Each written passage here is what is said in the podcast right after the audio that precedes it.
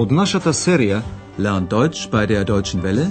Учете германски со Deutsche Welle, чујте ја серијата Deutsch, warum nicht?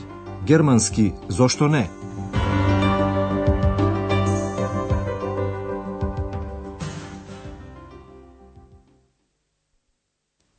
Драги слушателки и слушатели, денес ќе ја слушнете лекцијата 17 од серијата 3 со наслов Имам уште еден куфер во Берлин. Ich hab noch einen Koffer in Berlin. Во последната емисија ги придружувавте Екс и Андреас на нивното патување од Келн за Берлин. При тоа запознавте повеќе области во Германија. Слушнете уште еднаш што вели Андреас за руската област. Внимавајте на поврзувањето на речениците со und, aber и sondern. Ja, hier gibt es sehr viel Industrie. Und hier leben sehr viele Menschen. Industrie? Ja, früher gab es hier sehr viel Stahl- und Eisenindustrie. Und vor allem den Bergbau. Aber heute ist es anders. Es gibt immer noch viel Industrie, aber man fördert weniger Kohle. In Bochum baut man Autos. Aber das Bier aus Dortmund gibt es immer noch. Und der Himmel ist nicht mehr grau, sondern wieder blau. Додека Андреас и Екс се на пат кон Берлин, ние би сакале да ве запознаеме со градот. Ке слушнете еден колар со Белин со впечатоци и информации за Белин од порано и денес. Во оваа лекција нема да има граматички објаснувања. Слушнете од први музика од 20-тите и 30-тите години, едно време во кое Берлин беше духовна и уметничка метропола на Германија.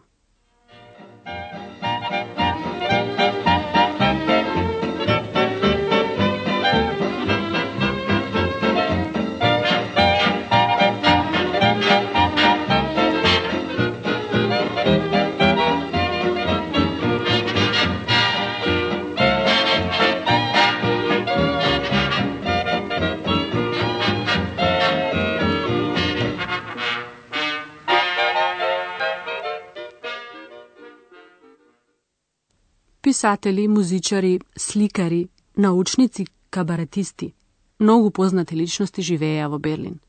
Берлин од 1871 како главен град на тогашната германска империја, односно германскиот рајх, во 20-тите и 30-тите години беше толку познат што се опејуваше дури и берлинскиот воздух. Луфт. Слушнете го тоа. Ja, ja, ja, ja, ja, ja, das ist die Berliner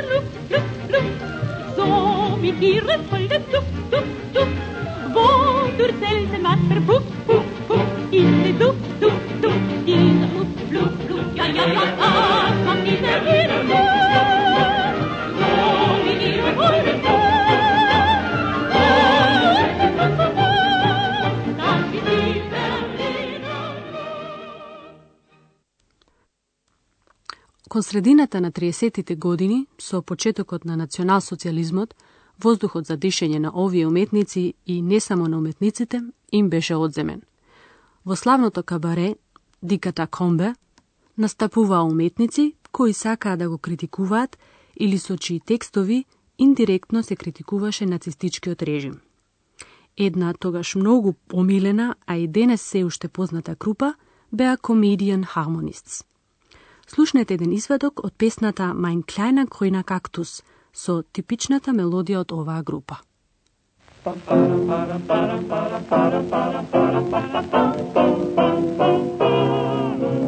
Blumen im Garten, so zwanzig Arten von Rosen, Tulpen und Narzissen leisten sich heute die kleinsten Leute.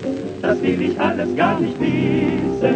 Mein kleiner grüner Kaktus steht draußen am Balkon. Holleri, holleri, hollero. Was brauch ich rote Rosen, was brauch ich roten Mond? Holleri, holleri, hollero. Und wenn ein Bösewicht was Ungezogenes spricht, dann hol ich meinen Kaktus und der sticht, sticht, sticht. Mein kleiner grüner Kaktus steht draußen am Balkon. Holleri, Од 1934 година, членовите на групата Comedian Harmonists имаа забрана да настапуваат, бидејќи тројца членови беа евреи. За време на националсоциализмот, многу уметници имаа забрана да настапуваат, нивните книги беа спалувани, тие беа прогонувани. Многу уметници емигрираа, а најповеќе во Америка. Така и големиот романописец Томас Ман. Во 1945 година, значи на крајот од Втората светска војна, што истовремено значеше и крај на национал-социализмот, Томас Ман во едно обраќање до германскиот народ преку радио го поздрави враќањето на Германија кон човечноста. Слушнете еден дел од тоа обраќање од 10. мај 1945 година. Deutsche Hörer, ich sage, es ist trotz allem eine große Stunde, die Rückkehr Deutschlands zur Menschlichkeit. Sie ist hart und traurig, weil Deutschland sie nicht aus eigener Kraft herbeiführen konnte. Furchtbarer, schwer zu tilgender Една од последиците од Втората светска војна беше поделбата на Германија во две држави. Во западна, Бундесрепублик Deutschland, PRT, и источна, Deutsche Demokratische Republik, DDR. И градот Берлин беше поделен. Тој се наоѓаше како остров на територијата на ДДР. Како последица на големиот број бегства на граѓаните од источен во западен Берлин во 1961 година беше искраден зид кој не можеше да се помине. Советскиот сојуз ја поддржуваше ДДР, а западните сили ПРТ. При една посета на Џон Кенеди во 1963 година тој рече, но слушнете самите. Ich bin ein Berliner. Кенеди значи рече, јас сум берлинец, а тоа се разбира беше голема радост за берлинците. За нив се смета дека се прилично дрски и духовити, а тука се мисли на нивниот диалект наречен Берлина Шнауце, кој не го изгубија за време на поделеноста. Слушнете во таа смисла еден диалог помеѓу двајца берлинци. Една жена сака мажот и да оди да купи нешто, но нему нему се оди. Обидете се да го почувствувате диалектот. Kannst du mal einkaufen gehen? Was soll ich? Einkaufen. Icke? Wieso denn das? Wieso nicht? Ich hab keine Lust. Ich auch nicht. Hör auf. Ich glaube, das reicht nur, wa? Но во Берлин не се сочува само јазикот на берлинците, туку тој остана интернационален град, град во кој се измешани многу култури, во кој имало од секогаш многу странци и различни религии полјаци, холанѓани, италијанци, хугеноти, евреи. Денес тука живеат многу, но слушнете први самите дали ќе го препознаете јазикот. Merhaba. Merhaba, buyurun. Bir döner verir misiniz? Buyurun, afiyet olsun. Sağ olun, hayırlı işler. Тоа беше турски. Денес живеат многу турци во Берлин. Тие дојдоа за работа, за да пота повторно се вратат во нивната татковина но останаа, а нивните деца се родени тука. За целото време на емиграцијата на емигрантите им остана носталгијата за Берлин. Една од нив е Марлене Дитрих, познатата глумица и пејачка, која ја напушти Германија 1936 година, поради национал-социализмот. Таа незината носталгија по завршувањето на војната ја опеа вака.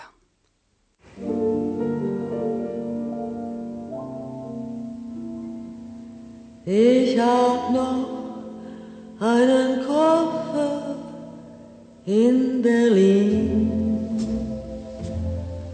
Deswegen muss ich nächstens wieder hin.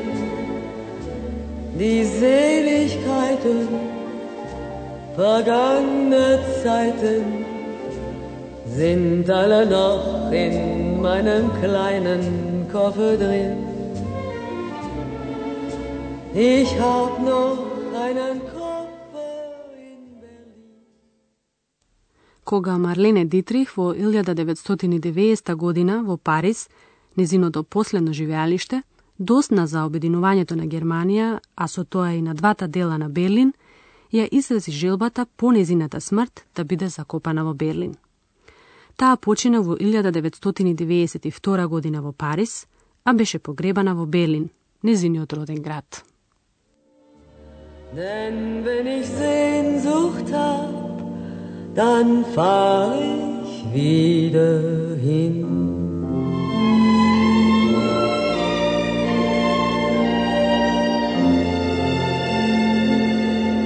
Denn ich hab noch einen Koffer.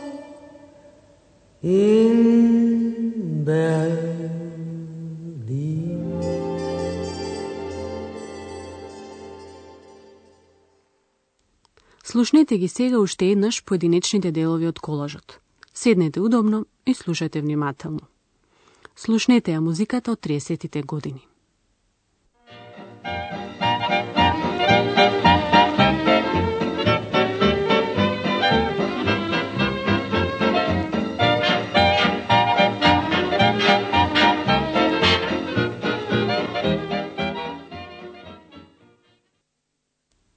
Слушнете ја песната за Берлинскиот воздух.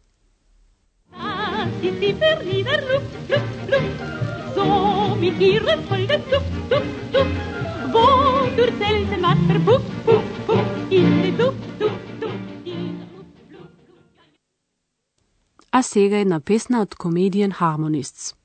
Mein kleiner grüner Kaktus steht draußen am Balkon. Hollari, hollari, hollero. Was brauch ich rote Rosen, was brauch ich roten Mond. Hollari, hollari, hollero. Слушнете го браќањето на Томас Ман до германските слушатели. Deutsche Hörer, ich sage, es ist trotz allem eine große Stunde, die Rückkehr Deutschlands zur Menschlichkeit. Sie ist hart und traurig, weil Deutschland sie nicht aus eigener Kraft herbeiführen konnte. Furchtbarer, schwer zu tilgender Слушнете ја реченицата на Џон Ф. Кенеди. Ich bin ein Berliner. Слушнете една сцена со берлински дијалект. Kannst du mal einkaufen gehen? Was soll ich? Einkaufen. Icke? Wieso denn das? Wieso nicht? Ich hab keine Lust. Ich auch nicht. Hör auf. Ich glaube, das reicht nur, wa? Слушнете еден турски диалог. Merhaba. Merhaba, buyurun. Bir döner verir misiniz? Buyurun, afiyet olsun. Sağ olun, hayırlı işler. Слушнете ја сега Марлене Дитрих.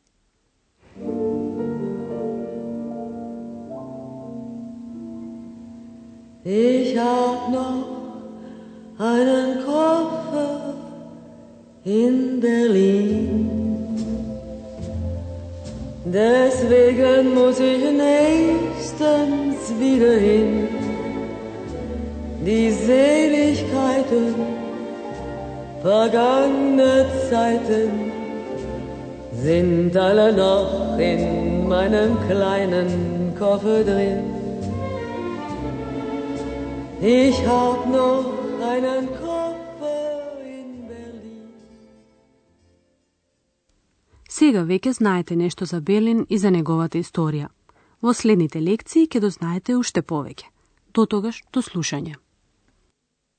Тоа беше германски Зошто не?